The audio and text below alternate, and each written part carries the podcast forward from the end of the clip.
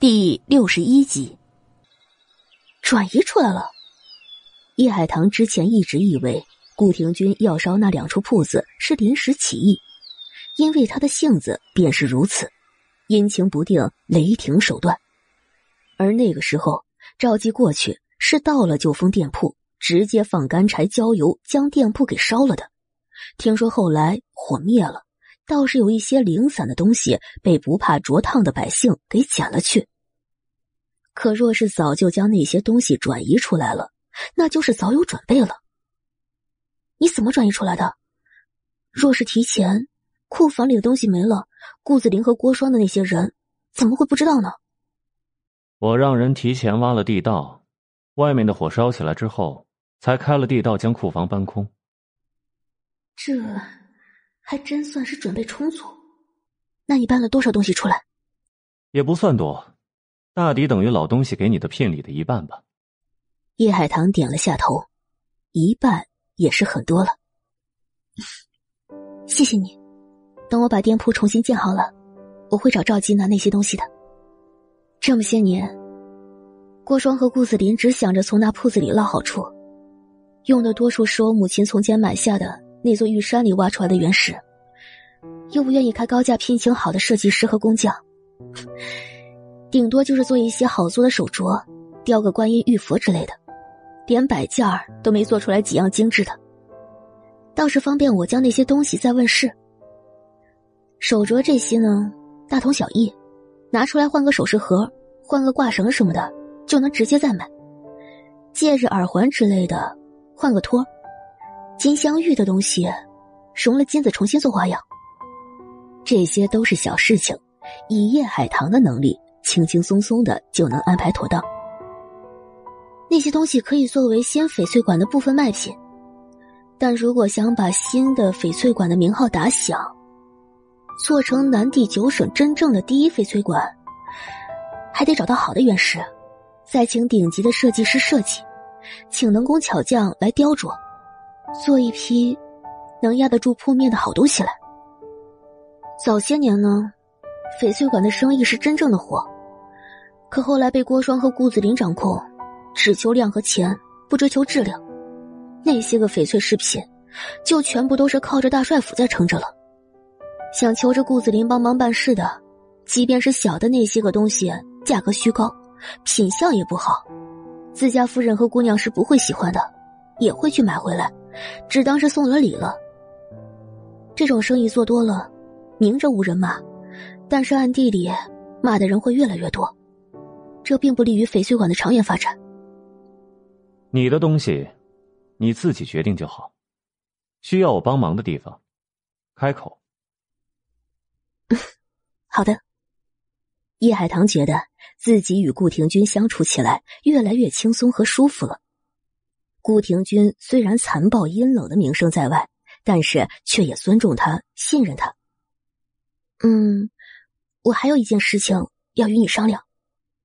我们既然要成亲，那婚礼那些事情，我去办。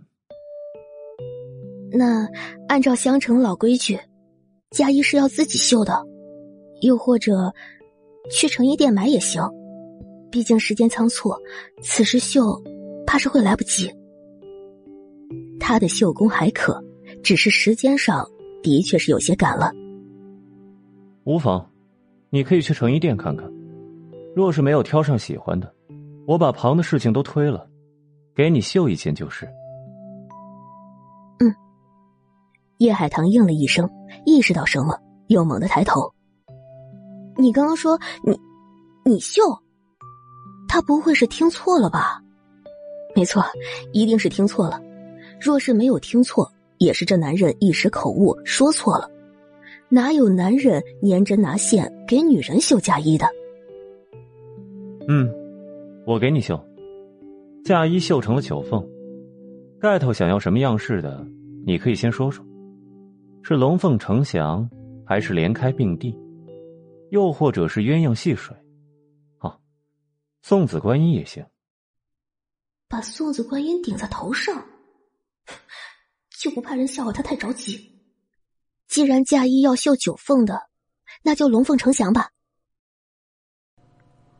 第六十二集。他想，他应该是想多了。就算他说要绣，又怎么会是亲手绣？或许是找绣娘来绣。叶海棠并没有意识到，顾廷钧说的是“绣成了九凤”，而不是“绣成九凤”，多了一个“了”字，意思是大不同的。前者是准备绣成那样的样式，后者是已经绣好了那种样式。叶海棠也没有意识到，他说要把盖头绣成送子观音。他想的是送子观音顶在头上会惹人笑话，却并没有抗拒送子这件事情。顾廷钧随后起身，穿戴整齐后就离开了叶海棠的院子。在他翻墙出去的时候，叶思雨刚好沾了一身露水从外面回来。昨日里，他听郭双说好了对付叶海棠的计划后，就待在顾子林的院子里等他回来。自然是在想着在他面前演一场温柔乖巧，然后将他的心再拽回来。谁知他整整等了一夜，竟然连顾子林的影子都没等到。挨到了天快亮，再一打听，原来顾子林早就回到顾家了。不过是一回来就到了郭双那边，郭双给他安排了好几个名门闺女，最后还留下了一个。就在郭双院子里的偏房陪他过了夜。这样的消息将叶思雨气得差点就失去理智，冲到偏房那里去抓奸了。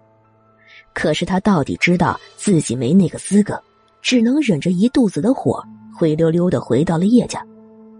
刚穿过花园，就瞧见一个戴着面具的男人从叶海棠的院子里出来，身手利落的翻出了大围墙。啊，那是。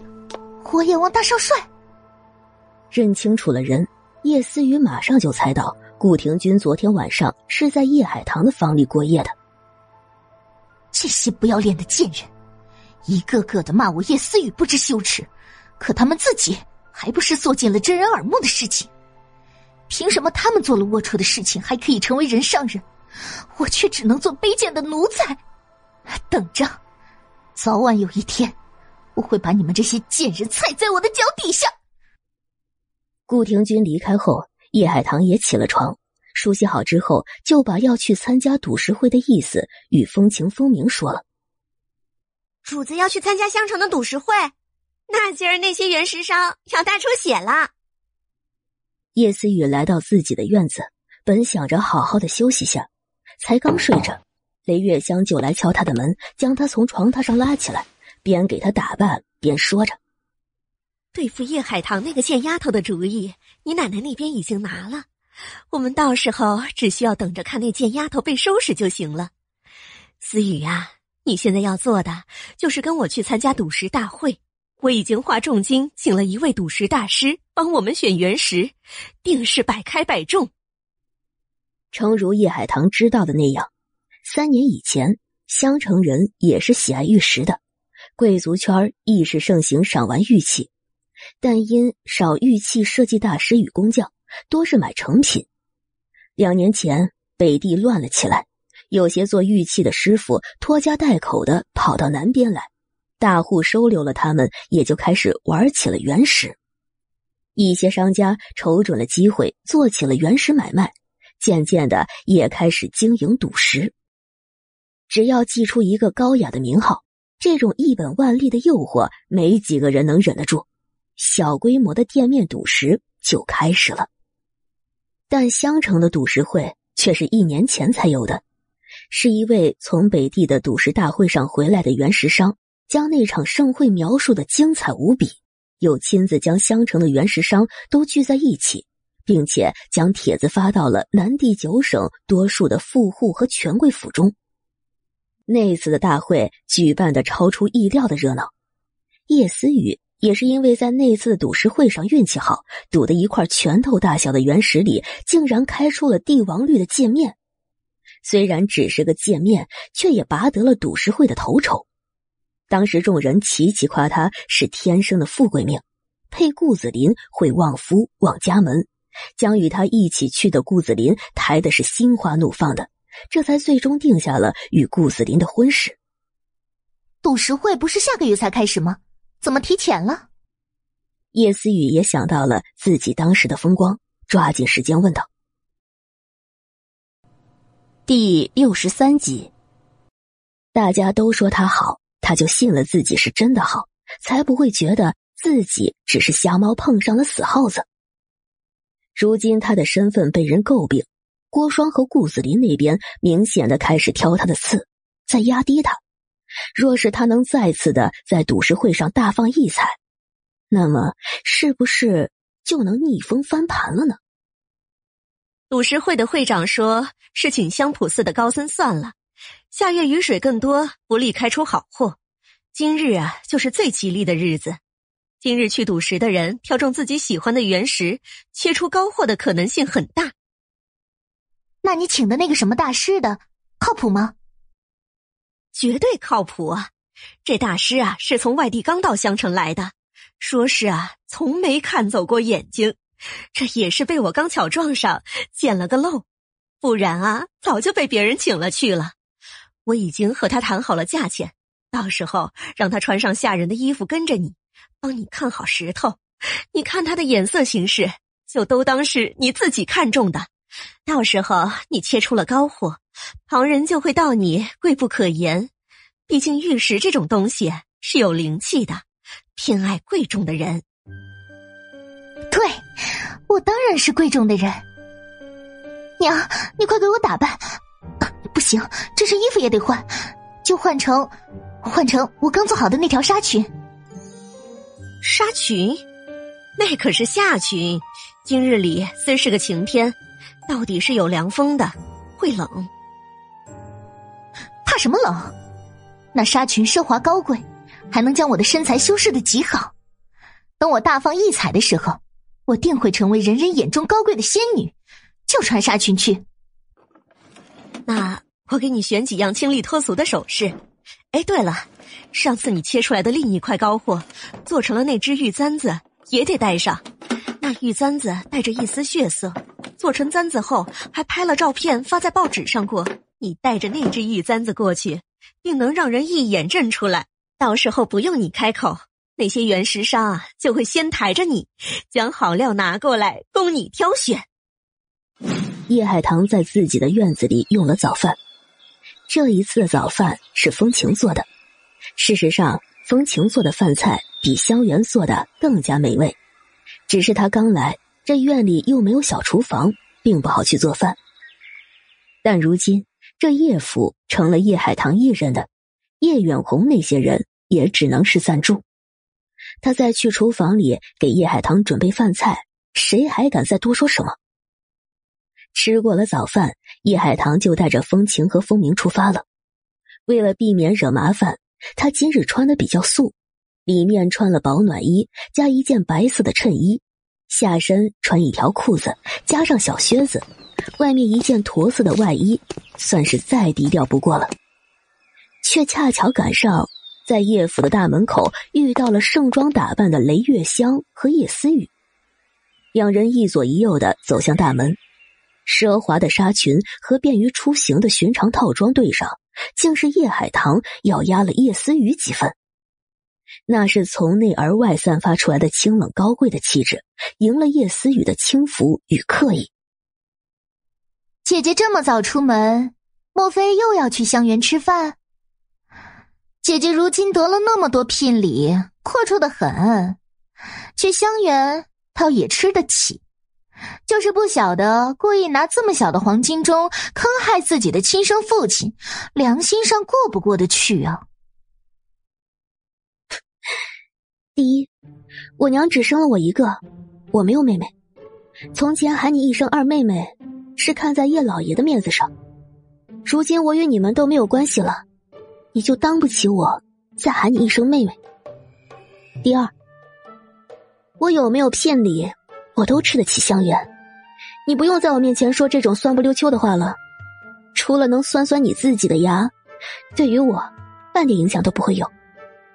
第三，我是死过一次的人，漂洋过海后回来的人，我不会信奉所谓的只要父母生了我，不论好坏。我都得以死回报。我信奉的是，谁舍弃了我，我就舍弃谁。不过是几只黄金钟，还是我亲手做的，如何就算得上是坑害了？第六十四集，倒是你们，这么多年了，吃我老叶家的，住我老叶家的，用我老叶家的，还嚣张跋扈。我老叶家只剩下我一人，便想要欺我、踩我，别做你们的白日梦了。我与你们分了家。往后，你们敢算计我一分，我就还你们十分。最后，我是不是去香园吃饭，或者我去哪里，与你们何干？你们有什么资格问我？说完这番话，叶海棠再没有多看叶思雨等人一眼，转身就走出了府门。府门外停着一辆小汽车，赵继站在车旁，见叶海棠过来，过来行了一个礼。大少帅夫人，大少帅让我在这里等您，送您去参加赌石会。大少帅说了，这几日的事情有些大，您现在走在街面上会引起热议，他怕您会不喜欢被一路围观。他倒是有心了，那就麻烦张副官了。他拉着风情一起坐进了后排，风鸣坐到了副驾驶的位置。赵副官将车子启动，开向了赌石会场。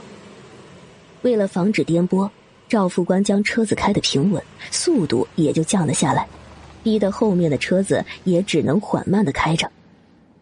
后面的车子里坐着的，可不正是在叶海棠后面出门的叶思雨和雷月香吗？叶府的司机好几次都想按喇叭，可视线落到前面那辆车的车牌上，却到底是没敢。南地九省的车都在车尾上挂了牌，没有挂牌的，就算是违反了规定的车辆，一旦被发现就会被查处。从零号开始到两千五百三十九号是整个南地九省汽车的保有量，当然并不全是小汽车，也有卡车或是别的车辆。但挂牌的时候，零号到五百号属于各种军用车辆，而零号到十号。属于军政府，零号到四号属于大帅府。叶家的车辆是五百零一号，叶家一直以此为荣。可是现在挡在叶家的车辆前面的那辆车是一号车，大帅的车是零号，一号车属于顾廷钧，那个多年在外征战的活阎王，那个一回到襄城就压得所有人都忌惮不已的顾家大少帅。而此刻坐在上面的人却是叶海棠。该死的贱丫头，她凭什么这么嚣张？叶思雨一次又一次的攥紧了手里精致的小包，终于忍不住的恶狠狠的咒骂道：“开的这么慢，他是乌龟吗？还是存了心压着我？还坐在一号车里压他？那是一号车，与他隔了整整五百个号。”那个贱丫头凭什么坐那么高贵的车？你是蠢货吗？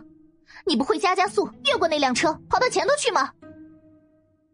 思雨小姐，街道窄，一号车的车身又比我们的车宽，哪里能越过去啊？不说一号车牌有多贵重，就单那辆车的价钱，那也是咱们这辆车的好几倍。听说就是擦了一点漆，也得跨洋去重新弄一瓶车漆回来补，我可不敢冒险。万一真的挂着蹭着了，我我倾家荡产我也赔不起呀。而且夫人，思雨小姐，真不是我怂，这整个南地九省谁敢跑到一号车前头去啊？我今年才四十二岁，我还有几十年的日子要过，我不想被活阎王一脚踩到地狱里去啊！你只是司机，你怕什么？出了什么事儿，本小姐担着。等会儿等到路面宽些，你就给我冲过去。就算关了车漆又怎么样？本小姐又不是赔不起。我只是司机，我也怕。思雨小姐不怕，可就算赔得起，怕也是担不起的。这年头会开车的人太少了。他是叶家外聘的司机，又不是叶府的下人。如果要去做有性命风险的事情，大不了他将车子往路边一靠，不要这月的工钱也就不干了。想到这里，司机破罐子破摔。一号车在前面，只能等一号车到达目的地了，我才能继续加速往前面开，没别的办法。第六十五集，你，你忘了你是谁家的司机？司机没有说话，叶思雨忽然起身就往前面爬。你给我滚出去！我自己开。他不是不会开车，只是开的少。如果他开，他才不管什么一号车呢，要么越过去，要么撞过去。如果能将叶海棠撞死了，赔一辆车算得了什么？叶思雨想到了这个“死”字，眼里顿时就浮起了冰冷的恶毒，竟将半个身子都探到了前排，要抢司机的方向盘。司机脸色变了，只能用一只手抓紧了方向盘，另外一只手阻止叶思雨。思雨小姐，这是在开车，你可别乱来。这要是出了事儿，谁也担不起责任。你不过是一个臭司机，也敢一次次的讥讽本小姐担不起责任，你该死！叶思雨继续伸手去抓方向盘，司机无法专心的开车，车子开始左歪右歪的。而叶海棠这边，自从发现后面跟着一辆车，赵副官就一直留心着。他知道后面的车是叶家的，也知道后面的车子里坐着叶思雨和雷月香，但是不知道为什么却一直跟着。难不成也是去参加赌石会的？可那车子跟了好一段路后，状况有些不对了。大少帅夫人，有些不对劲，我要加速，您坐稳了。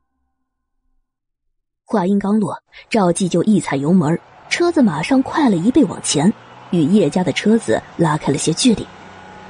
怎么回事？叶思雨并不知道后面有车，此时回头看了一眼，就看见那车子歪来歪去的，倒是认了出来。那是叶家的车，雷月香和叶思雨坐在里面，他们这是在做什么？不知道，许是司机的技术不到家，车子开的走不了直线，又许是有什么别的事情。大少帅夫人，为了安全，我们还是赶紧的。不，将速度降下来，保持和之前一样的速度。我倒是要看看，雷月香和叶思雨又想做什么。叶思雨没有抢到方向盘，还被雷月香给拉了回去。哎呀，思雨，你这是做什么？别忘了，你现在还怀着孩子呢。车子就让司机好好开。这种时候，你和前面那个贱丫头争抢什么？听雷月香提到孩子，叶思雨稍微的冷静了一些，坐了回来。可是，难道我们就要被那个贱丫头压着不成？我受不了这个气。看。那车子的速度不是提起来了吗？司机加速，我们要早点到赌石场。你要再敢磨磨唧唧的，这个月的工钱你就别想要了。叶家辞了你，你也未必能再找到新工作。这话带上了威胁了。司机还要养家糊口，哪里好真的就得罪了雷月香和叶思雨，只好踩了一脚油门。可不等他将档位挂起来，一号车的速度就降了下来。眼看着就要撞上了，吓得他赶紧一个急刹车，往前的惯性将雷月香和叶思雨的身体往前一抛，头都撞到了椅背上。该死的，见鬼了吗？夫人，对不起，思雨小姐，对不起，一号车忽然把速度降下来，我怕撞到他，就我马上重新启动车子，重新启动。却又回到了之前的状态。一号车慢悠悠的开，叶家的车小心翼翼的跟，像极了小姐出行后头跟着一个唯唯诺诺、生怕出错的丫头。尤其是开了半路，叶海棠说：“看起来他们也是去参加赌石会的了，这倒是会热闹不少。”第六十六集，赵副官，我听廷军说。你的车技不错，大少帅夸我车技不错，那就是不错。大少帅夫人，我开车够稳吗？不用太稳。赵副官，考验你车技的时候到了，来，玩玩后面的。于是乎，接下来的一段时间就能看见极其精彩的一幕：一号车和五百零一号车一前一后的开在路上，一号车提速后，五百零一号车紧跟着提速，可是，一号车只开一小段路，又将速度降了下来。五百零一号的性能不如一号车，忽然一个打停，就是一声刺耳的刹车响。如此反复多次，一号车就像只猫，五百零一号车就是只老鼠，被耍弄着玩儿。路人并不知道一号车里坐着的是叶海棠，毕竟后排的车帘子一放下，里面是个什么情况，谁也看不见。但是五百零一号是没有车帘子的。可以看到里面的人是雷月香和叶思雨，议论和讽笑声就起来了。看啊，一号车在和五百零一号玩呢，这是大少帅在教训叶家那对母女吧？这可是件趣事。这活阎王今儿怎么这么闲，在大街上跟两个女人置什么气？叶家的那对母女倒是有胆子，敢和活阎王对着干，可要干啊就干上去呀！又不服气又不敢，真是让人瞧不起。刚开始的时候，叶思雨只是死死的盯着前面的一号车，渐渐的听到一些议论声，虽是听不大真切，转头看向窗外，看见路边的人都冲着他们这辆车指指点点的，脸色直接就黑成了锅底灰。故意的，我就说叶海棠那个贱丫头是故意的。她分明是故意让我被人看笑话，我要杀了她！我要杀了她！思雨，你冷静一点雷月香再次拉住了叶思雨。这会儿，就是傻子都知道一号车是故意的，他当然也不会不明白。但这众目睽睽之下，五百零一号车如果真的撞了一号车，还能有什么好日子过？别说那活阎王。会真的找他们的麻烦，一些个不知道是他们被压着的人，也只会质疑他们。哎呀，思雨，别和那贱丫头生气，你肚子里怀着孩子，生气损伤了自己的身子，岂不是正中了那贱丫头的下怀？我们现在不加速了啊，他们要慢慢开就慢慢开，反正我们去赌石会，早去晚去，最后的结果都是一样的。娘，你是说那贱丫头这么做？是想害我失去孩子。叶思雨坐回自己的位置，捏紧了拳头。他敢！我看那贱丫头如今什么都敢做。你别忘了，她现在是要嫁给活阎王的，而那活阎王是要和紫菱抢新大帅的位置。你肚子里的这个孩子，如果生下来，那就是顾家的长孙，是要给紫菱长脸抬身份的。他当然希望你这个孩子没了。对，那个贱丫头就是不安好心，我差点就上了她的当。我不生气，为那种贱东西气坏了我自己的身子，一点都不值得。我要好好收拾我自己，去赌石大会大放光彩。说到这里，叶思雨忽然像是想到了什么似的，转过头对雷月香说道：“娘。”那个贱丫头一直走这条路，她不会也是要去赌石大会的吧？有可能。如果她去，岂不是更好？到时候你就踩着她，让所有人都看看你的厉害。叶思雨的心情顿时就好了很多，眼里仿佛真的能看到自己将叶海棠踩在脚底下，风光无限的模样。车子开了一多半的路。叶海棠也就确认雷月香和叶思雨与他的目的地是一样的了。主子，我查到消息，去年的赌石会上，叶思雨开出了帝王绿，虽然只能做个界面，却也大放光彩。后来，这界面做出来镶了金托，送给了大帅，大帅也就由此同意了叶思雨与顾子林的婚事。如此说来，叶思雨是想着再风光一次。届时将位置捞回来。哼，他想的可真美。但是有我在，不管他爬到什么位置，我都会让他狠狠的摔下来。主子说的是。几个人随后说了一些赌石会上要做的事，并没有避讳着赵副官。赵副官却时不时的抽下嘴角。骑着大少帅夫人的这种玩法，有人要倒血霉了。第六十七集。说话间，赌石大会的会场到了。会场是一整条的街，从东到西，两边都是做原石买卖的店铺。虽然还早，来的人已经很多了，来的车子也不少，但是看到一号车开过来，不管是车还是人，全都是让了道。一号车一直开到了赌石会场的中心位置才停下来。如此一来，不管是往东逛还是往西逛，最后回来的路程都是最短的。车子停下，就过来三个穿便衣的兵。赵副官转身向叶海棠解释：“少夫人，这是我们的人，大少帅吩咐了，今日人多，要保护好您的安全。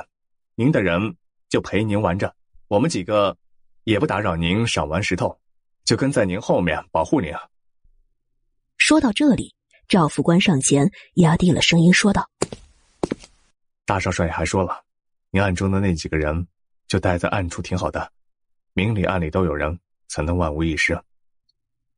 叶海棠惊了一下，顾廷钧竟连他在暗地里面安排了人保护自己都知道，那男人真是越来越让他觉得深不可测。不过还好是他知道，他安排了，那就按照他安排的做。叶海棠点了点头，率先往前走。与此同时，叶思雨也下了车。五百零一号车是跟着一号车的后面来的，也没人拦。娘，那个贱丫头果然到这里来了。叶思雨恨恨的盯着前面不远处已经开始往最近的原石铺子逛过去的叶海棠。一个满头白发、穿着叶家下人衣裳的老者走了过来。雷月香高兴的拉着叶思雨：“哎呀，思雨啊，这位就是韦大师。”就是我说的那个高手，叶思雨马上用审视的眼光看了看老者，见他一身灰布衣裳，尽管知道这是雷月香为了遮人耳目，让他故意穿成这样的，却也觉得他不像什么大师。你挑的石头，真的能百开百中？可别只是个想骗钱的糟老头子。思雨，你怎么和魏大师说话呢？雷月香假意呵斥了叶思雨一声，又看向韦大师：“这丫头自小被我们宠坏了，韦大师你可别介意呀。今日我们是带够了钱来的，挑石头的事情就靠你多费心了。”韦大师点了点头，倒是有了几分高人的模样了。他收了钱，也知道自己要做的事情是什么，就站到了雷月香和叶思雨的身后。一行人来到了最后一处的原石铺，那些大大小小的石头，有些直接堆在地上，有些已经被店家选出来，放在了显眼的位置上。掌柜的一见叶思雨等人进来，马上亲自过来打招呼：“哎呦，这不是叶家的雷夫人思雨小姐吗？您二位到我这小店来，是我这小店莫大的荣幸啊！”他将视线落到了叶思雨的身上。思雨小姐真是生的越来越水灵了，听说是马上就要嫁到大帅府去了，哈哈，恭喜恭喜！那您二位今日是想挑个什么样的石头？我这里红皮的、黑皮的、黄白皮的都有，要不然您就随便挑挑。以思雨小姐的贵气，随便挑的石头都是能切出高货的。这样的话，让雷月香和叶思雨都极其的受用。叶思雨往店里伙计搬过来的椅子上一坐，将你们店的好石头都洗干净了，拿过来给我长眼。我看上的当场解释。掌柜的顿时笑得满脸都是褶子。是思雨小姐，您等着，我这就喊他们给您上石头。掌柜转过身，冲着那伙计喊道：“哎，快把我们店的好货都抱过来！”财神爷上门了，快把最大的、最重的、最贵的都拿过来呀！伙计连忙用最快的速度将一块块的原石都抱了过来，还有个机灵的伙计在掌柜的暗示下跑到了门口，高喊道：“叶思雨小姐到我们店里来挑石头了。”第六十八集，思雨小姐要在我们店解石了，出高货了，出高货了！思雨小姐要开高货了。这一阵的吆喝。将周围的人全都吸引了过来，还有越来越多的人往这边赶。叶海棠也被看热闹的人挤着到了这家店的门口。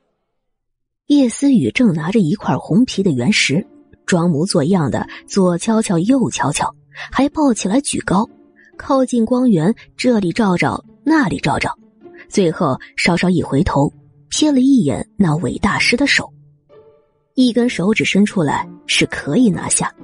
两根手指伸出来是表示不要，这次是一根手指。这块石头我要了。叶思雨将石头交给伙计，去，给我解了。风情看了看那块规规整整的石头，问叶海棠：“主子，那块石头有用吗？”叶海棠盯着那石头看了一会儿，嗯，有。果然。解石的师傅只切了一刀，伙计大喊道：“啊，出货了，出货了！没裂，不脏。”他将旁边做好的木圈往切好的玉石面上放了几次。三只镯子，好料好料，一开就出货，不裂不脏。这思雨小姐果然是个高手。听说思雨小姐并不懂原石，她挑石头。那都是随便看看就选了，却是百挑百中，这全都是因为她满身的贵气。只要她看上的石头，没货都会出货。我刚刚是眼花了吗？为什么我竟然好像看到思雨小姐沐浴在一片圣光之中？她定是九天之下的仙女，下到我们凡间来的。听到这样的话，叶思雨到底没忍住，扑哧一声笑了起来。雷月香和叶思雨请过来的这些个托儿，说叶思雨的好话不要紧，可是这也说的太夸张了，都把她吹成了上苍之女、仙女下凡了。这笑声过于突兀，叶思雨一下就回过头来，瞪着叶海棠：“你笑什么？笑你们演的戏也太假了点儿。不过是一块水平不太好的破石头，也值得这些个托儿将你夸到这种程度吗？”叶思雨，你做不成顾子林的正房了，就跑到这里来找捷径。我倒是想配合配合你，可是抱歉啊，我我实在实在是忍不住。他是真的忍不住，尤其是越看叶思雨那身纱裙，就越觉得叶思雨是在刻意的装扮仙女的时候，他又是哈哈的笑了起来。什么托？你少污蔑我！我看你是看不得我被人夸，哼！可是怎么办呢？偏偏就是有人夸我，谁叫我叶思雨就是比这里所有女人都要好呢？叶海棠，我知道你恨我抢了你的男人，可谁让你自己三年前成了江里的水鬼呢？如今。你跟紫菱的婚约都解除了，你还在这里揪着我不放，你也太小家子气了。叶思雨，你不用给我泼这种脏水，没用。就那种能随便被人抢走的男人，我叶海棠只当是个渣，扔了也就扔了。你可以捡回去当宝贝供起来，那是你的事儿，娶我半点关系都没有。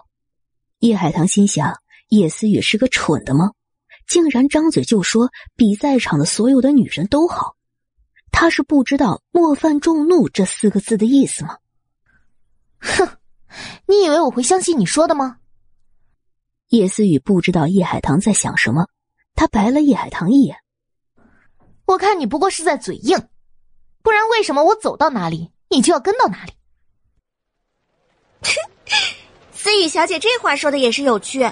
今儿早上我们坐在一号车里往赌石会这儿来，分明是你们一直跟在我们后头，还把车子都停在了我们后头，这还摆在那里呢，却说是我家主子跟了你来。你如果不是脑子不好使，那就是眼瞎。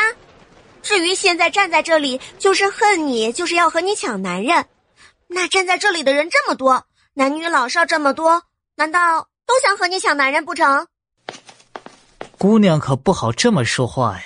本少爷是男的，爱好美人儿，就算二少帅生的再风流倜傥，也是不好去抢的。第六十九集，我虽是女人，可早就成亲了，家中家教甚严，断不会对我丈夫之外的男人动什么心思。思雨小姐，你可别污蔑我。多夸自己是上苍之女，仙女下凡。叶思雨这脸皮的厚度，我是佩服的。许是因着叶思雨到底没把男人压低了，而且她本身作为一个有些姿色的女人，也会惹得一些个男人不忍揭穿她。是以，除了第一个说话的少爷，倒是没几个男人笑话她。但姑娘媳妇们可就不愿意了。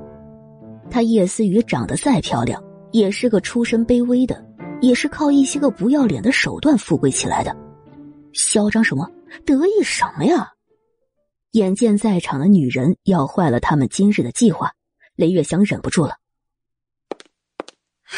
叶海棠，你别在这里整这些幺蛾子，试图煽动别人说我们家思雨的坏话。我们家思雨天生贵气，赌石是百开百中。”你这么做也不过就是怕我们家思雨今天挑走所有的好玉石，是吗？那就打个赌吧。打赌？打什么赌？一个时辰为限，你和我在这赌石会上各选一百块的玉石，回到这家店的门口来解石。所有的石头加在一起，谁开出来的石头价值大，谁就赢了。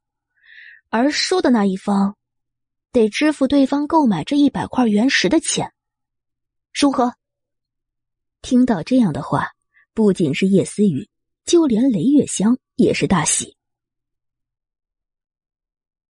哼，叶海棠还是太嫩了，以为赌石不需要技术和经验，只凭着喜好选一百块石头就有可能赢，这丫头也太天真了。不过，见丫头越天真，对我们可是越有利的。我和思雨身边有韦大师，赢叶海棠是肯定会赢的。但是赢了，只要他买一百块原石，这未免也太便宜他了。思雨，我们和他赌，但这赌注得加。对，这赌注啊太小了，玩起来没意思。叶海棠，你要是有意与我玩。那就加注。叶海棠在心底讽笑了一声：“我选出来的石头，尤其还有一百块，你们未必能买得起，竟还想着加赌注，愚蠢！不过，你们想加什么赌注？第一，如果你输给了我，你不仅要给我买一百块原石。”你的那一百块原石也得归我。第二，你输给了我，就得承认我天生贵正，而你却不过是一坨低贱的烂泥巴。你要自打脸面，说你自己是个不要脸的贱丫头。这种点子虽然有些下三滥，不过以你的教养和脑子，也只能想出这样的点子来了。好，我答应。第三，你输给了我，还要当着这里所有人的面脱光了衣服，跪在我面前，给我磕三个响头。从今以后，见了我乖乖的给我让道。叶思雨这是还惦记着被压了一路的事情呢。这一次，叶海棠马上答应，只是反问叶思雨：“你提这种羞辱人的条件？”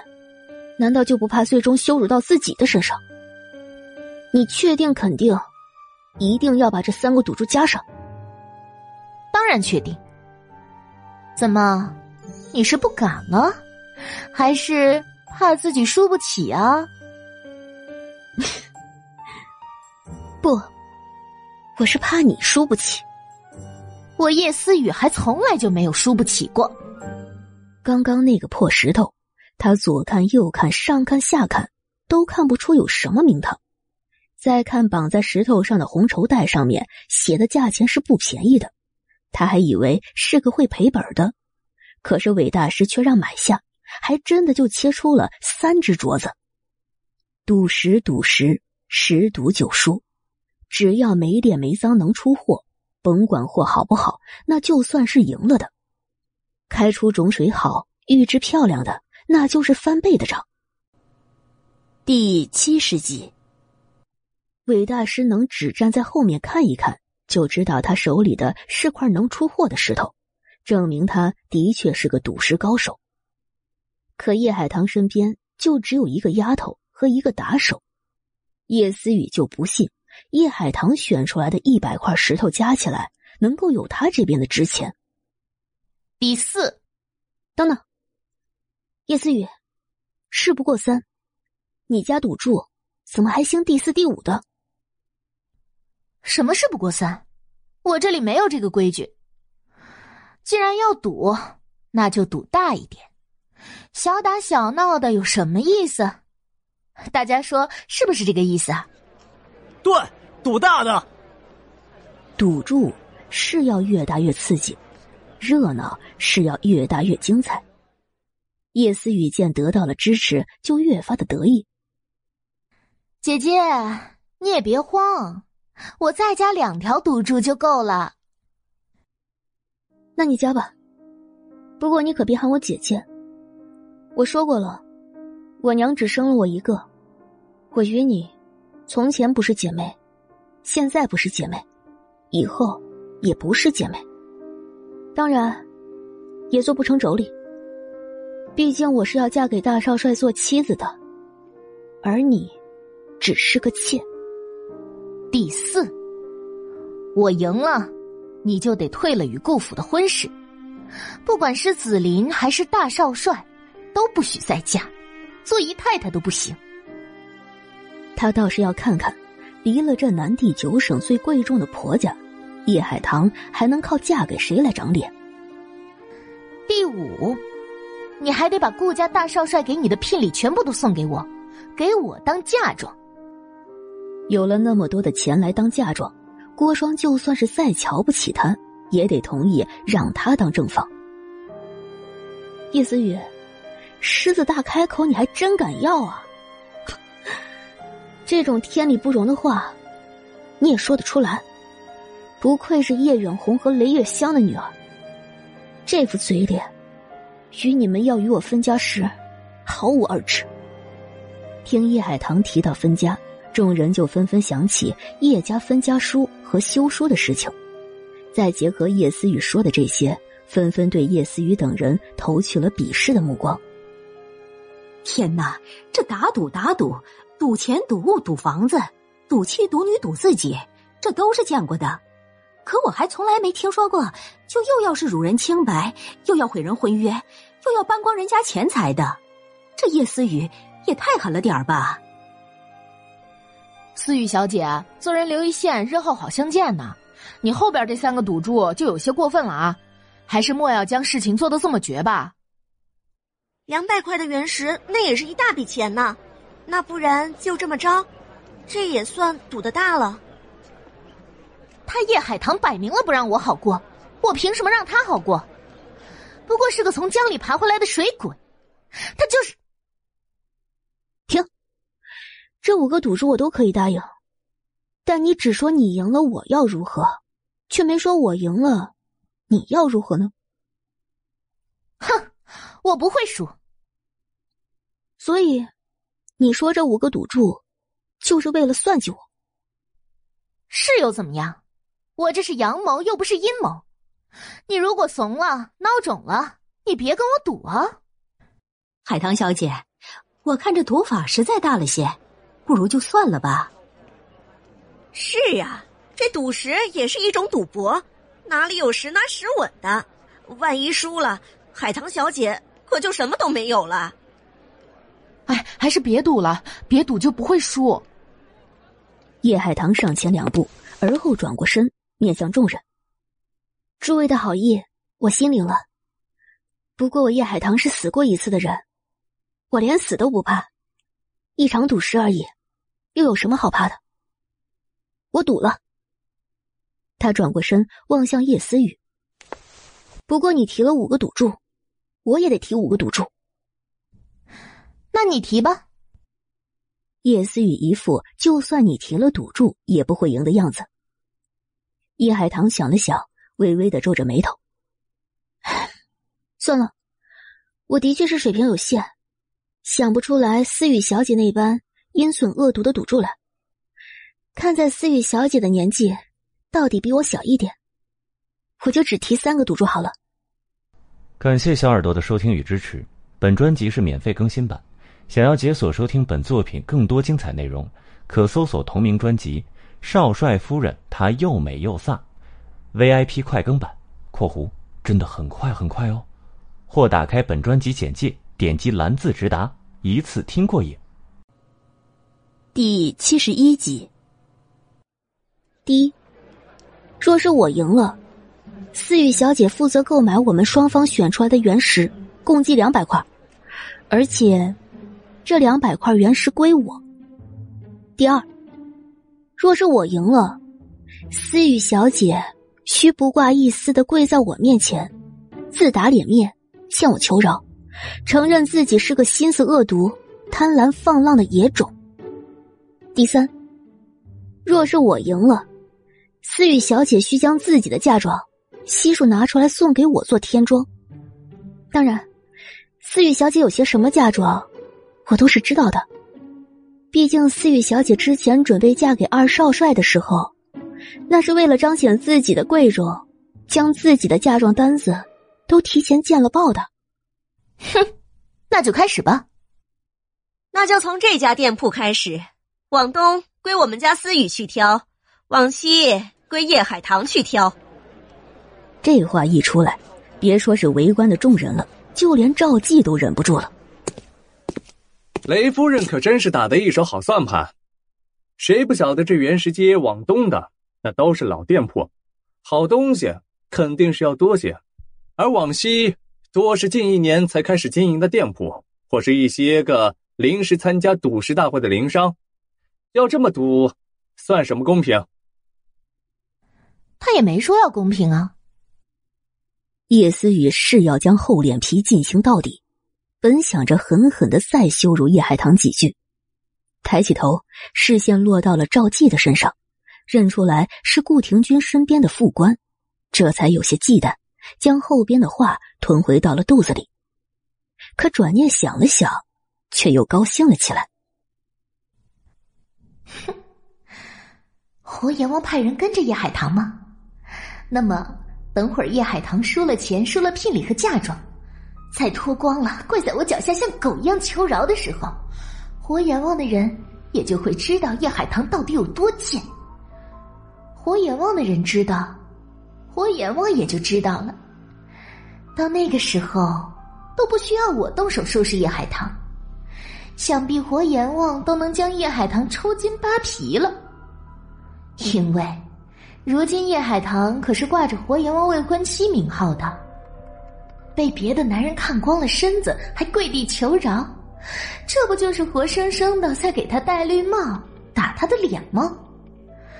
说不定啊，奶奶和母亲的计划不用拿出来，郭双的计划也不用拿出来，我就能整死叶海棠这个贱丫头。等我收拾了叶海棠，不管是家里还是郭双那边，都得对我刮目相看，都得对我好。我只需赢了叶海棠，在这赌石会上拔得头筹，重新成为紫菱的未婚妻，顺利嫁给紫菱，成为南地九省的二少帅夫人。什么阴险恶毒，什么贪婪龌龊，都没人敢再说我半句不好的话，因为胜者为王。叶海棠扫了叶思雨一眼，他都不需要猜。只看叶思雨脸上那时而阴暗、时而得意的表情，都能够知道叶思雨在想些什么。没关系，我就在西边选。玉石这种东西，灵气重，喜欢在哪里问世就在哪里问世，喜欢在谁的手上问世就在谁的手上问世，不是一个东西之分就能影响得了的。叶思雨不就是想用这种莫须有的东西来抬身份吗？那不如让他也借用借用。风情顿时就明白了叶海棠的意思。我家主子品行高洁，天生贵重，便是人家挖空了心思想要我家主子输，我家主子也一定会赢的，因为仁者无敌，善者无敌。刚刚他看得清楚，叶思雨根本就没什么本事，靠的也不过是身后那个老者。那老者倒是有几分本事，可再有本事的也不可能比得上主子。主子赌石从无败绩。第七十二集。啊，也就是说说大话而已。等会儿有他哭的时候。叶思雨趾高气扬的出了这家店铺，往东走。雷月香和韦大师自然跟上。多数想看热闹的人都跟着叶思雨去了，留下来想看叶海棠是怎么选石头的，竟然只有两位千金和一位少爷。其中一个千金还是盯着赵继看的眼睛都不眨，显然是瞧上了这位英俊的赵副官。叶海棠注意到了那千金的目光，微微的笑了笑，往前走。正要抬腿走进第一家店，另一位千金出声提醒他：“海棠小姐，这家店是卖蒙包料的。蒙包料就是用布条将整块石头都缠住，包的一只脚都看不到。”买家只能挑大小和形状，看不到石头是个什么样子，也无法凭着经验和技术去挑选。买这种料，赌的成分更大，赔的可能性也更大。但是玩起来出了高货，那惊喜也会更大。若是叶海棠没有和叶思雨约定赌石，玩玩这种蒙包料也可。但眼下赌局已经摆上了。每一块石头都可能决定最终的胜负，自然是要慎重。这是赵继等四人以及那两位千金和一位少爷的想法。嗯，我知道，我喜欢玩这种更刺激的。叶海棠进了店，也不等招呼，就将自己的手放在那些蒙包石上，认真的挑选了起来。之前出声提醒叶海棠的千金犹豫了一下。跑到了店铺的里面去，不一会儿抱了一块蒙包石出来，和那一堆的石头放在了一起。海棠小姐，不瞒你说，这家店是我兄长开的，我觉得你是个好人，也不想让你输，你就买了这块料吧。他还示意旁边的那少爷：“是吧，哥？”原来这位千金和少爷还是一家的。是。海棠小姐，就买这块料吧。做蒙包料的说是自己没看过，其实哪里是没看过了？不仅是看过，而且是细看过，看过了，挑过了，这才做成了萌包，定好了价，供人来赌。商人重利，既是做生意，自然也是以不赔本为前提，以翻倍赚为目的。千金又将那石头抱起来。塞进了易海棠的怀里。不买也行，海棠小姐，这块石头我送给你了。其实我特别佩服你，你敢和你父亲分家，还敢把分家书和休书贴满全城，不像我们。千金看了一眼少爷，见少爷皱着眉，摇了一下头，这才将后面的话吞了回去，改了语气。哎呀，海棠小姐。我真心觉得你比那个叶思雨好多了。如果你瞧得上我，我们以后就是朋友了。那好吧，这块石头归我了，我们以后就是朋友。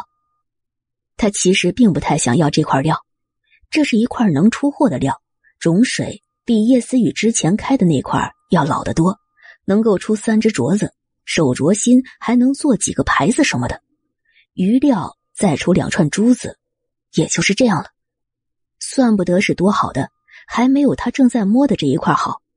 这一块石头不过是拳头大小，但是里面有高货、冰种、细糯，可以做挂件儿，比一般的镯子货的价值自然要高得多。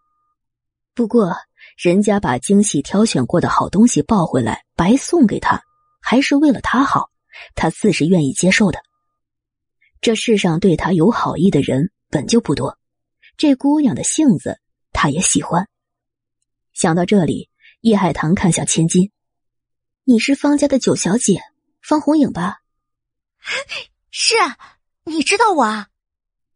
方红影的眼睛里流露出了惊讶和惊喜。叶海棠又面向那少爷：“那这位想必就是方家的五少爷方继恒了。”少爷也点了下头：“谢谢你们对我的好意。我这人一向信奉的原则是。”他人对我好一分，我便对他人好十分；他人对我坏一分，我便将那人斩草除根。凤晴，给方少爷拿钱票子，将我刚刚摸过的这七块石头全都买下来。再问问方少爷，店里最贵的石头是哪一块，也买下来。刚刚红影小姐送了我一块，一共九块，我喜欢这个数字。少夫人三思。赵副官赶紧阻止，今日赌的这么大，他这会儿冷汗都在往外冒，只怕叶海棠万一输了，那叶思雨不依不饶的让叶海棠履行赌约，到时候场面不可收拾，他是会被大少帅狠狠的责罚的。第七十三集。哎呀，赵副官，你别土包子没见过世面，不过几块石头，看把你吓成什么样子了。风情一边往外掏钱票子，一边有些不满的扫了赵姬一眼。你要相信我家主子，这如果是你家大少帅，你会不相信吗？大少帅，我自然是百分百相信了。少夫人，我也想相信啊，可少夫人这赌是赌的也太随意了。哎，算了算了，大不了到时候输了，我就打着大少帅的名号耍赖。反正大少帅是个不要脸的。方红影和方信恒也想再说几句什么，风情已经将钱票子塞给了方信恒，那动作与方红影将石头往叶海棠怀里塞的时候毫无二致。方少爷，你说好了，这是军政府直属银号发出来的票子，拿到银号去，随时都能换。竟是叶海棠心里有别的打算。就算是输了赌约，也是不打紧的。于是心宽了宽，方信恒将钱票子收了。方家子嗣众多，他和红影出自五房，是一母同胞的亲兄妹。然而母亲性子软，被大房捏得死死的，又不懂得同别的姨太太争抢父亲的宠爱，是以他们兄妹从小到大饱受欺凌。好不容易做了这么一处铺子。因着没几个相熟的富贵朋友带生意过来，眼看着就要做不下去了。如今得了叶海棠买石头的钱，就能够再撑个一年。他其实也晓得妹妹是什么打算。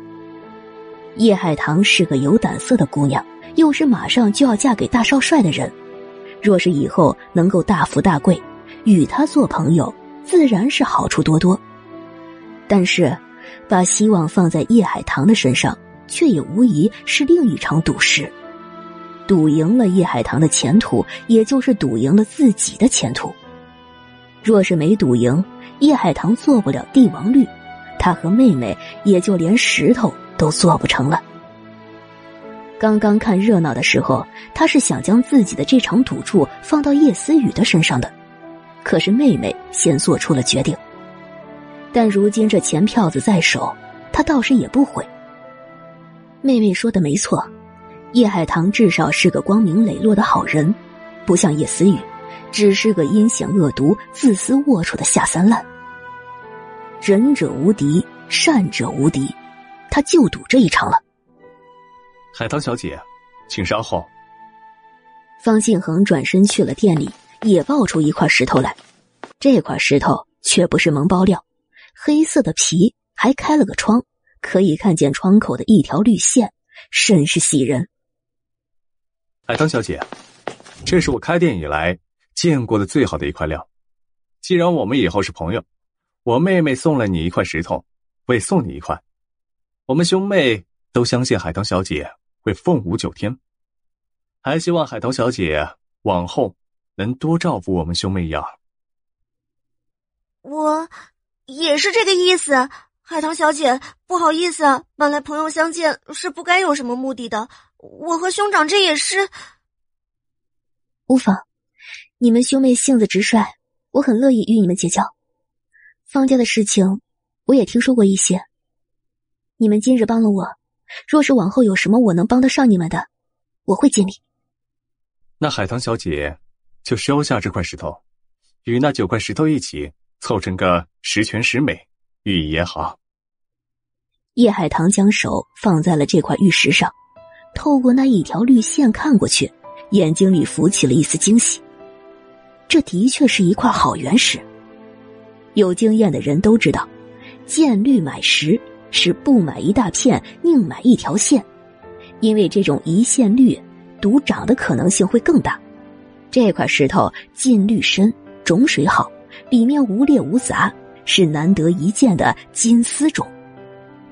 原来方少爷也是此中高手。叶海棠毫不吝啬的夸了一句。看方信恒的样子，他该是知道这块原石可能会有价值的，这应该就是他的镇店之宝。第七十四集。说来惭愧，我小的时候就经常和玉器打交道。是一位老师傅的学徒，我就喜欢这种灵气十足的东西啊。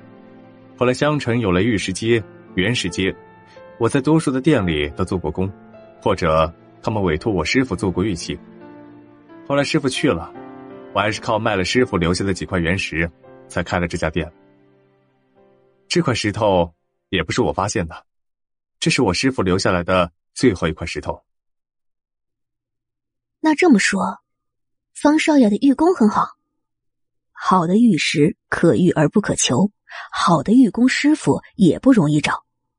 叶海棠有一个人选了，但是如果要把翡翠馆重新开起来，一个人也少了，所以他这次来参加赌石会，也是想碰碰运气，能不能打听到好的玉工师傅，他好高价去请。我还行吧，师傅去世前。说我匠气太重。师傅过世几年了，我也鲜少接外面的活，不是很清楚自己现在是个什么水平。我哥的玉工可好了，是家里觉得我哥出去接活丢了脸面，不许他做玉工师傅。他们坏的很，各种克扣我们，还不许我们。红影，这些事就不要说了。海棠小姐在我们店里耽误了这么久。还得去别家挑选原石啊！方红影只能闷闷的不作声了。方少爷，其实我今日到赌石会来，一来是想碰碰运气，看看能不能遇到好的原石；二来是想打听打听有没有好的玉工师傅。我娘留下来的翡翠馆暂时没了，但是我很快就会在原址上重建。到时候，你如果得空。能不能去帮我做第一批的玉器？当然，我会按照市场价支付你酬劳，也不会耽误你做生意。只要海棠小姐看得起我，酬劳什么的不重要，我会尽我所能。那就这么说好了。叶海棠的心情大好，带着人继续去挑选玉石。方信恒干脆关了店铺，让伙计拖来板车，将那十块石头都放在了上面，跟上了叶海棠，等着叶海棠买了原石，就帮忙将原石放在车子上。不到两刻钟，板车上就放了大大小小的五六十块原石。方信恒和方红莹以为叶海棠随意挑石头的毛病只是在他们的店铺有，可是后面不管是在哪家的店铺。叶海棠都是摸了几下就决定要还是不要，速度之快令人啧舌。而且每到一家，叶海棠还会首先将店铺中最贵的那一块原石买了，然后再开始挑其他的。也从不还价。他先问清楚每一块原石的价钱，最后决定买下的原石由风情直接付钱票子。也不知是叶海棠的记性好，还是风情的记性好，给出去的钱一点偏差都不会有。这么大方又随意的买法，让所有东边的店家都很是满意，不用多费口舌就能做成稳赚不赔的大生意，这简直就是天上掉馅饼的事情。不过，叶海棠也不是每家都买，有些店他进去了，觉得不喜欢，或是不喜欢店里的掌柜伙计，或是不喜欢店里的原石陈列方式，又或是把所有的原石摸了一遍，没有眼缘他就不买。在方信恒等人看来，叶海棠挑原石的标准只有两个：第一，贵，越贵越好；第二，眼缘儿。合眼缘就买。刚开始的时候，方信恒还试图帮叶海棠多看看，尽可能的帮他挑好的原石。可常常是他才刚上眼，叶海棠就已经决定了要还是不要，他也只能收回眼睛，保持沉默。渐渐的，沦为与赵继等人一起帮着搬原石的人。就这样走了一大圈儿。连路边一些散商和零商的摊子都已经光顾后，叶海棠选好了一百块原石，而时间还不到一个时辰。板车从一辆变成了六辆，最大的石头一块就放了一整辆车，有十几块石头上面系着红绸，明晃晃的表明他们是店铺中的镇店之宝。叶海棠等人就带着这六车的原石。回到了最初的那家店铺的门口。第七十五集，雷月香已经回到了这里，还摆了桌子椅子，煮上了茶，在那里悠闲的喝着，一边喝一边与周围的人说着刚刚叶思雨挑的石头，擦了口子之后有多好多好。赌石，擦个口子是被允许的。他之所以将事情大肆的宣扬着，自然是在给叶思雨抬名声。我们家的思雨，那才叫真正的百开百中，挑出来的石头随随便便擦个口子都是带绿的。也就是啊，我命不好，没有一开始就做了正室夫人，拖累了这个孩子。哎，其实我生这个孩子的时候啊，还在使劲儿，就觉得头顶一阵金光，快得像闪电过来，钻进了我的肚皮里，然后啊，孩子就出生了。一年前的帝王绿不算什么，我们家思雨说了啊，只要今儿这赌石会上有帝王绿，那定然是要从他的手里出世的。什么未婚先孕的，如今不就是讲究个婚姻自由、自由恋爱吗？我们家思雨年纪小，当初也是见二少帅因叶海棠那个贱丫头的失踪伤了心，才主动过去照顾的。他心地好，也不太懂得男女之间的那些个事儿。后来不是互相喜欢了才好上的吗？却被人所诟病，他冤枉呀！哎，玉石有灵，若我家思雨不是个好的，又哪里会让他不管选哪一块原石都是好的？道听途说的事情，你们可不要乱传。埋汰人的话说多了，那是会损了自己的运气的。叶海棠，那个贱丫头，连自己的亲生父亲都能说舍就舍，她能是个好的？她能选出好玉来？你们都给我看好了，到时候解释，定然是我们家思雨。雷月香正说的情绪激动呢，听到前面有了动静，他抬起头就看见叶海棠等人过来了。叶海棠还坐在第一辆板车上，像是得胜归来的女将军。他的嘴角一歪，脸上就浮起了嘲讽的笑。哼，装模作样。这么快就选好了一百块的原石？哼，我看他根本就没挑，直接去买别人家的镇店之宝了吧。板车停下，叶海棠从车上。灵巧的跳下来，你怎么知道我去买镇店之宝了？难道你们也是这么买的？还敢承认？果真是个门外汉！镇店之宝是不错，可也不是所有的镇店之宝都是真正的宝，也就是我们家思雨才能从数以千计的原石中挑到高货，挑中稀罕品。像你这种买白菜似的去买原石，你就等着输吧。那就等着吧。叶海棠一副不在意雷月香，也不因雷月香的话有什么不高兴的样子。风情也找来了桌子椅子，放在雷月香的对面，然后问叶海棠：“主子，要把我们选的原石分一分吗？”“嗯，分分，确定好解石的顺序。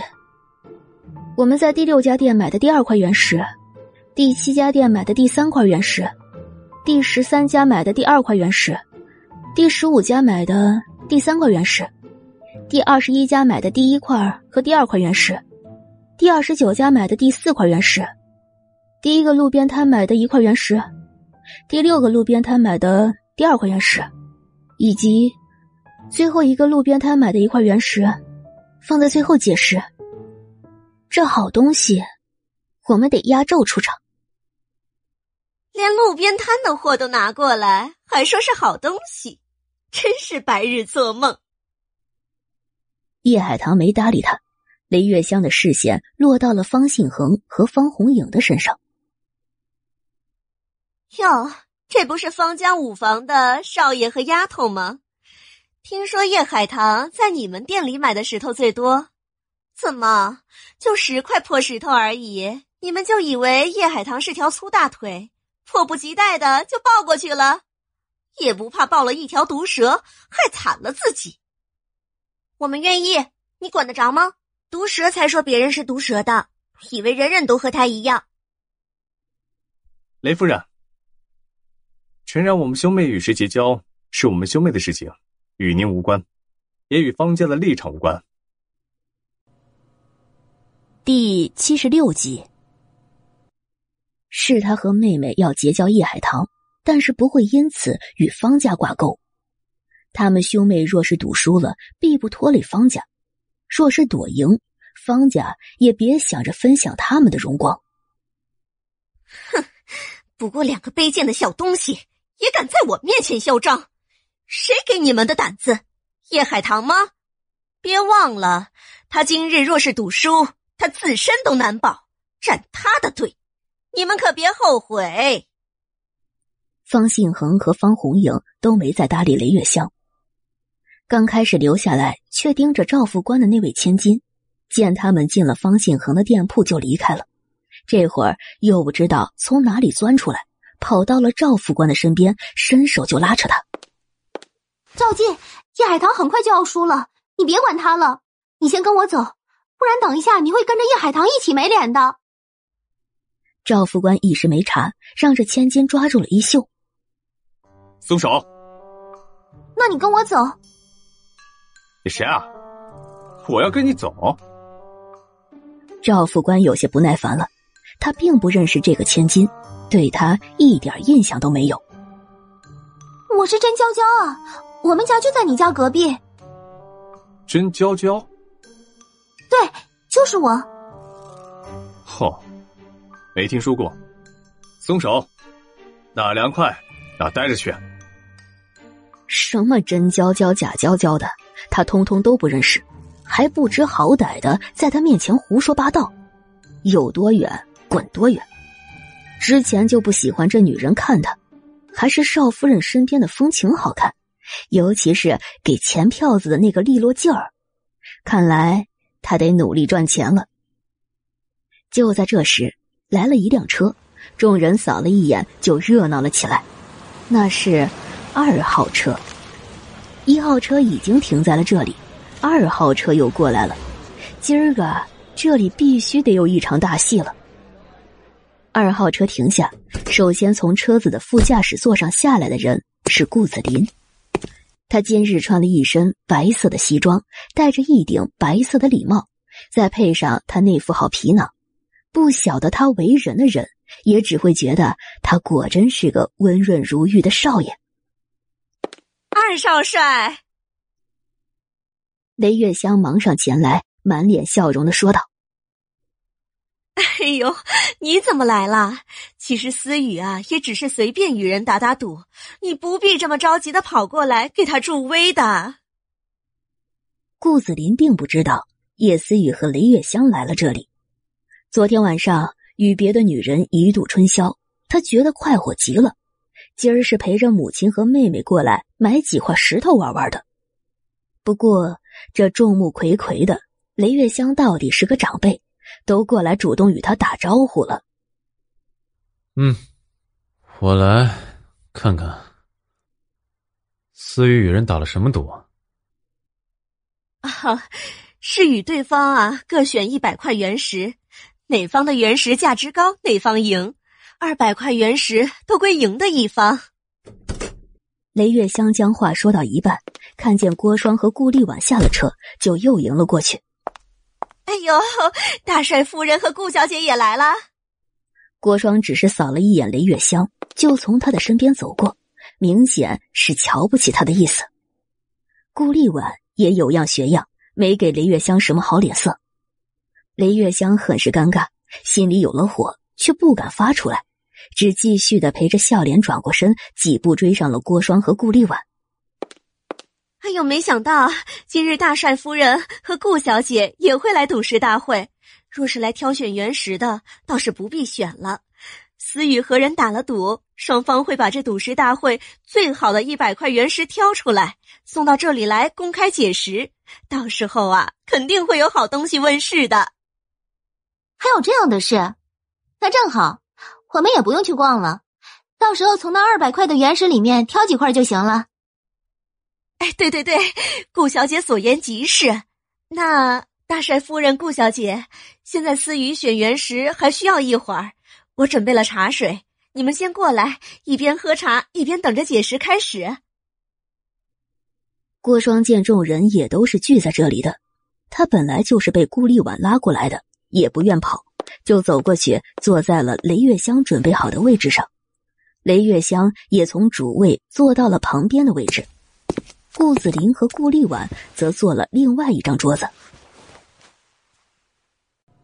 第七十七集，雷月香殷勤的给郭双倒了一杯茶，又给身边的人使眼色，意思是让叶思雨加快时间，赶紧选好了原石过来。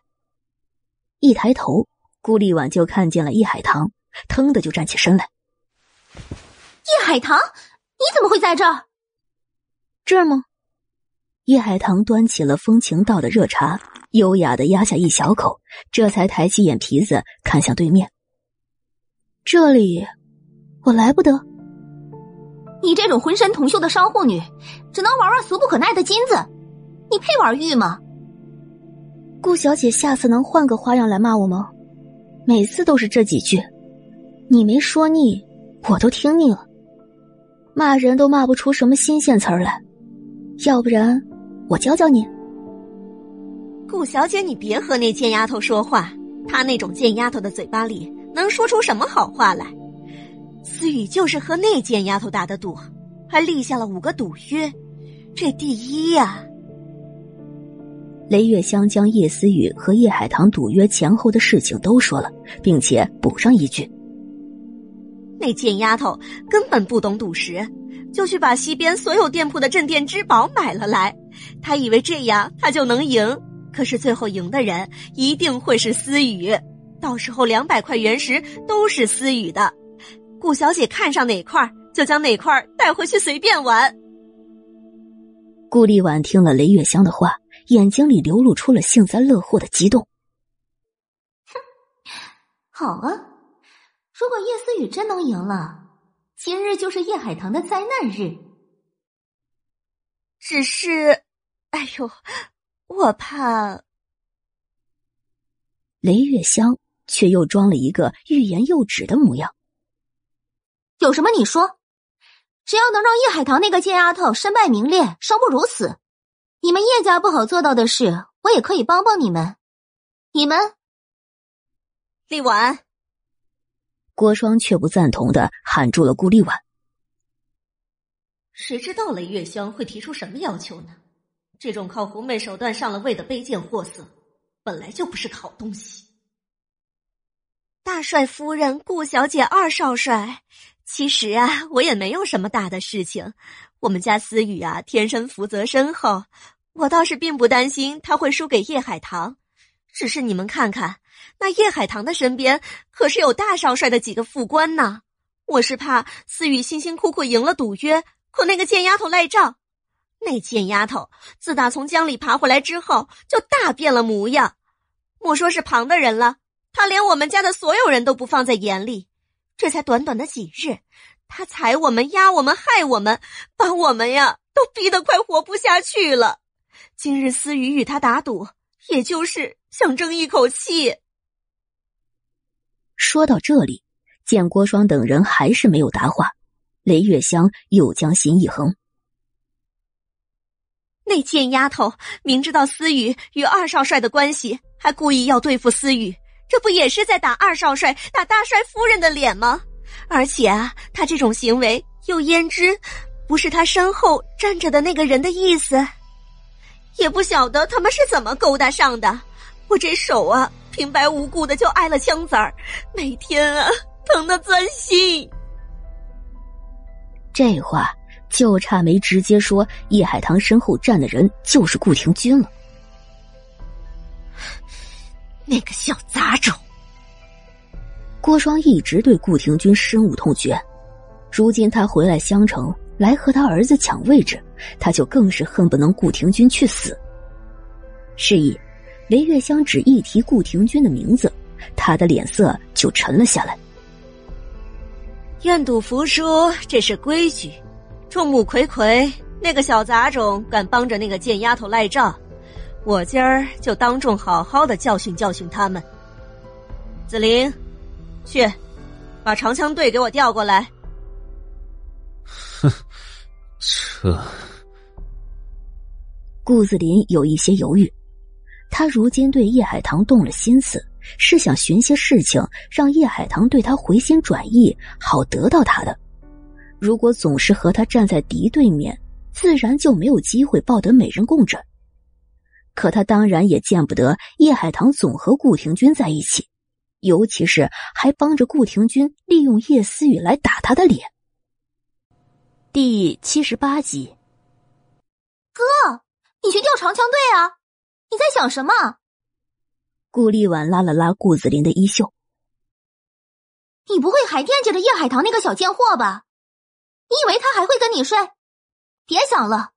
你也不看看，顾廷君就是个兵痞子，他一直在军中没怎么沾荤腥，如今和叶海棠在一起，恐怕都不知道将那个贱丫头睡了多少遍了。他这么一说，顾子林就火了。别说了，我去调。该死的，他一点都不想知道顾廷君睡了叶海棠的事情。那个女人。明明之前一直都是他的。顾子林去调人过来需要时间，这一去一来也花了小半个时辰。等他重新在座位上坐下的时候，还带了一些瓜果点心过来，放在了两张桌子上，看起来甚是享受。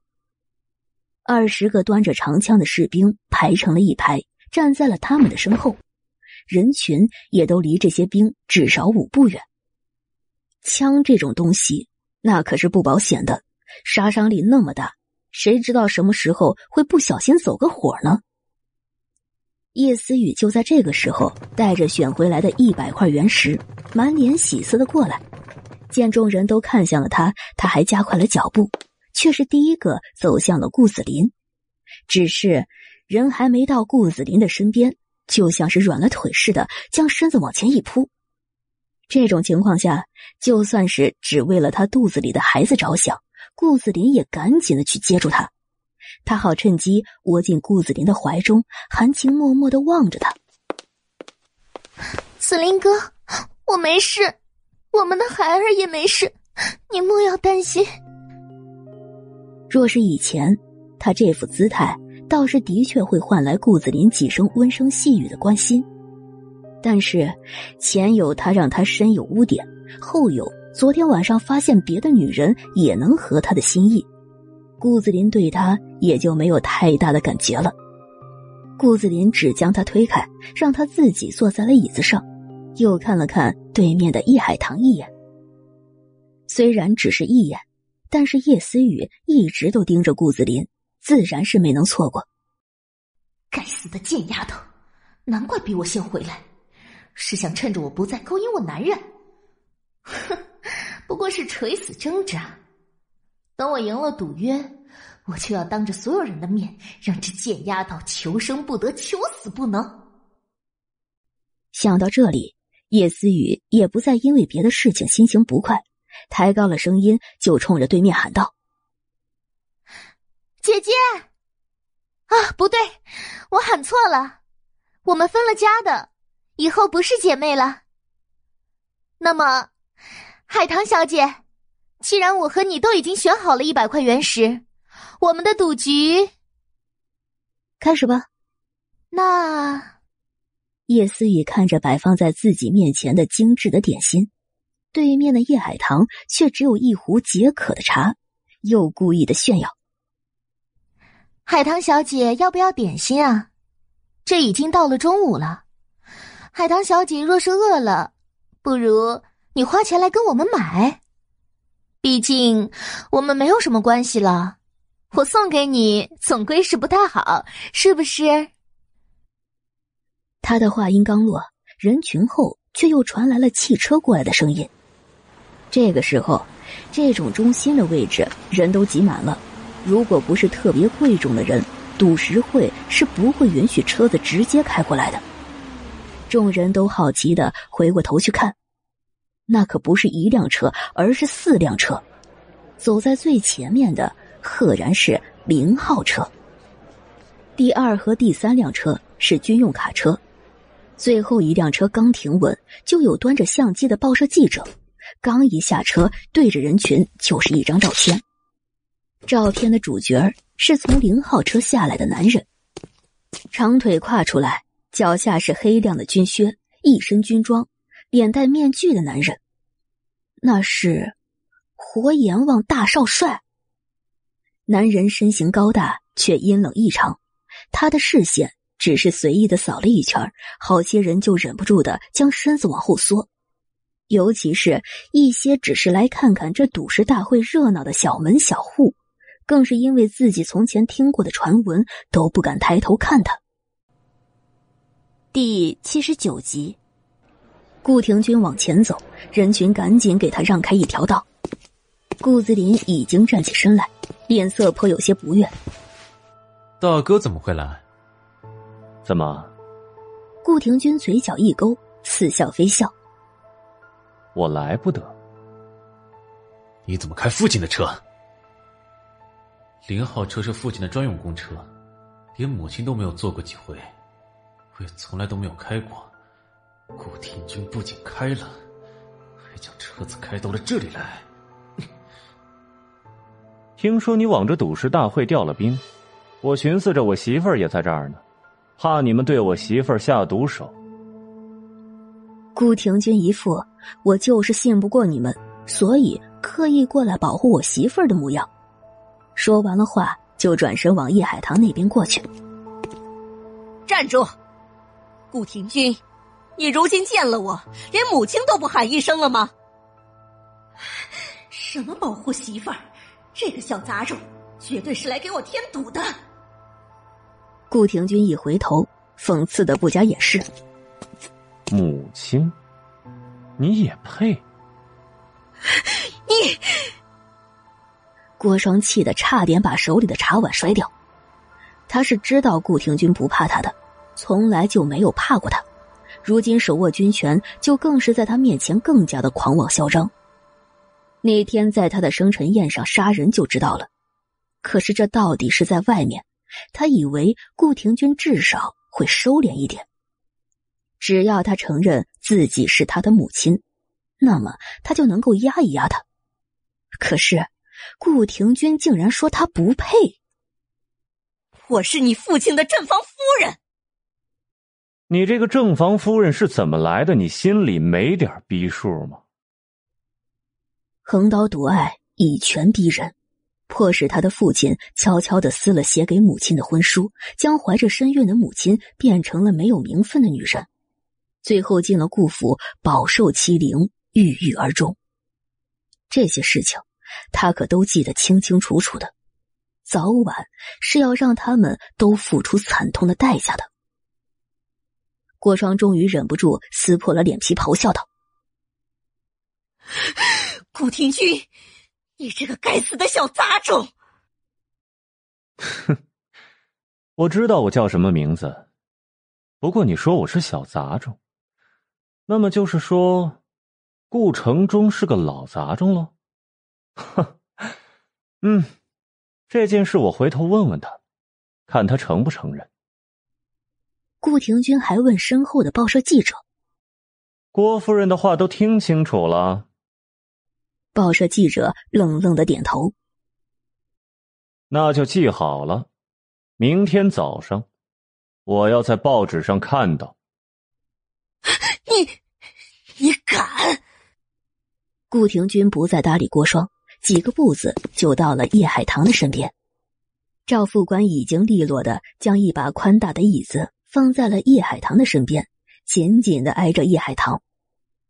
顾廷君表示满意，往那椅子上一歪，就偏向了叶海棠，神情慵懒，语气邪魅：“说说，这一上午的，都做了什么好事？”他说话的时候，那两辆卡车里后一辆卡车下来一车兵，荷枪实弹的过来，站在了他们的身后。这些兵穿的军装都是特制的。戴着头盔，行动的时候整齐划一，神情冰冷，像是能从他们的身上嗅到硝烟的炮火和鲜血的味道。这是从战场上下来的兵，远不是顾子林那边的那些白白净净的花架子可以比得上的。前一辆卡车上也下来九人，两人抬了桌子，两人抱了炉子，两个丫头提来了四个食盒。两个伙计准备餐桌，还有一个厨子，这是香园的人。中午了，怕你饿，我把他们也带来了。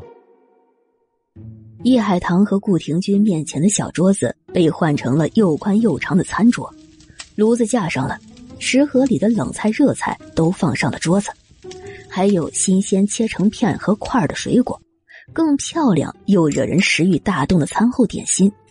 精致的餐具也摆上了，还有厨子自带家伙事儿，现场将牛肉切成薄薄的片儿，烫进了锅子里。一时之间，香味四溢，让在场的所有人都忍不住的直咽口水。第八十集，这等豪华大餐一上来，对面那几盘瓜果点心顿时就显得无比的寒酸。人比人。气死人！对面那些人气得脸色都青了，尤其是之前还拿点心向叶海棠炫耀过的叶思雨，他手里捏着一块糕，再看一眼叶海棠面前桌子上的那几十盘美食和两口热气腾腾的锅子，只觉得这糕他怎么都咽不下去了。他还是个怀着孩子的，如今没什么孕吐反应，反而特别贪嘴。那么多好吃的，为什么就不能是他的呢？开始解释吧。叶海棠一边示意着风情风鸣以及赵副官等人坐下来一起吃饭，一边说着。风情和风鸣不敢坐，这毕竟是顾廷君给叶海棠准备的。赵副官等人那就更不敢坐了。大少帅和大少帅夫人要坐在一起吃个饭，虐虐渣，他们这些人坐上桌算怎么回事？万一惹得大少帅不高兴了，那日子可就难过了。方信恒和方红影当然也没有做，这种摆擂台式的约战，好像已经不仅仅是赌石的事情了，还是让两边的主子出头最好。就只有之前缠着赵副官的那甄娇娇，高高兴兴的坐下来，还准备回头喊赵副官一起。赵副官将头偏向了风情那边。于是，他有些尴尬的起了身，缩回到了人群里。解食正式开始，双方各有一百块原石，请来十九个解石师傅，这已经是赌石大会全部的解石师傅了。方信恒站了出来，表示自己也是可以解释的。包括方信恒在内，叶海棠这边分十个解石师傅，叶思雨那边也分十个，每人负责解十块原石。这个工作量也不算大，今日之内就都能够完成。但是叶思雨却不依了，越是好的玉石越费手工，我这边都是好石头，费的工多些。我要十五个解石师傅。这还没开始解石呢，思雨小姐可别把话说的太满了，免得到时候自打脸面。风情冷冷的讽刺道：“我的好东西绝对比你们多，你们如果不愿意，那我们就各自花钱请人解石。我出一条大黄鱼，来请解石师傅帮我解石，一人一条大黄鱼，人数不限。”叶思雨一心认为。只要他赢了，顾廷钧给叶海棠的那些黄金就都是他的了。那么，一个解石师傅一根大黄鱼，他完全花的不心疼。解石师傅听到这话，眼睛顿时就亮了。解石是个手艺活做得好的解石师傅是能赚钱的，但是还没有一天赚一条大黄鱼的，而且还只用解石块。或者更少块的原石就能够得到这么大的好处，再加上叶思雨这边如今还有大帅夫人、二少帅和大帅千金帮忙，几乎一大半的解石师傅偏向了叶思雨那边。一条大黄鱼算什么？我出三条大黄鱼。叶海棠优雅的喝了一口汤，淡淡的说道：“三条大黄鱼。”又有一半的解石师傅来到了叶海棠这边，五条大黄鱼。叶海棠根本就是在和他作对，他怎么可能会让叶海棠赢了？嗯，思雨小姐财大气粗，那你们就先都去帮思雨小姐将她那一百块的原石解了吧。等思雨小姐那一百块原石都解完了，你们再过来帮帮我就可以了。不过。你们先帮了思雨小姐，再到我这里来，我可就只会按照市场价给你们付工钱了。叶思雨这才明白叶海棠是什么意思，他竟然又掉进叶海棠挖的坑里了。这贱丫头分明就是故意抬价，骗了他给解释师傅出高价，自己却得便宜。叶海棠，你又坑我！又。那就是吧，可谁让我喜欢挖坑，你喜欢跳呢？敢坑了人，还把话说的这么直接的，在这襄城可还是第一次见。尤其是这人还是曾经性子温软的叶家大小姐。感谢小耳朵的收听与支持，本专辑是免费更新版。想要解锁收听本作品更多精彩内容，可搜索同名专辑《少帅夫人》，她又美又飒。VIP 快更版（括弧真的很快很快哦），或打开本专辑简介，点击蓝字直达，一次听过瘾。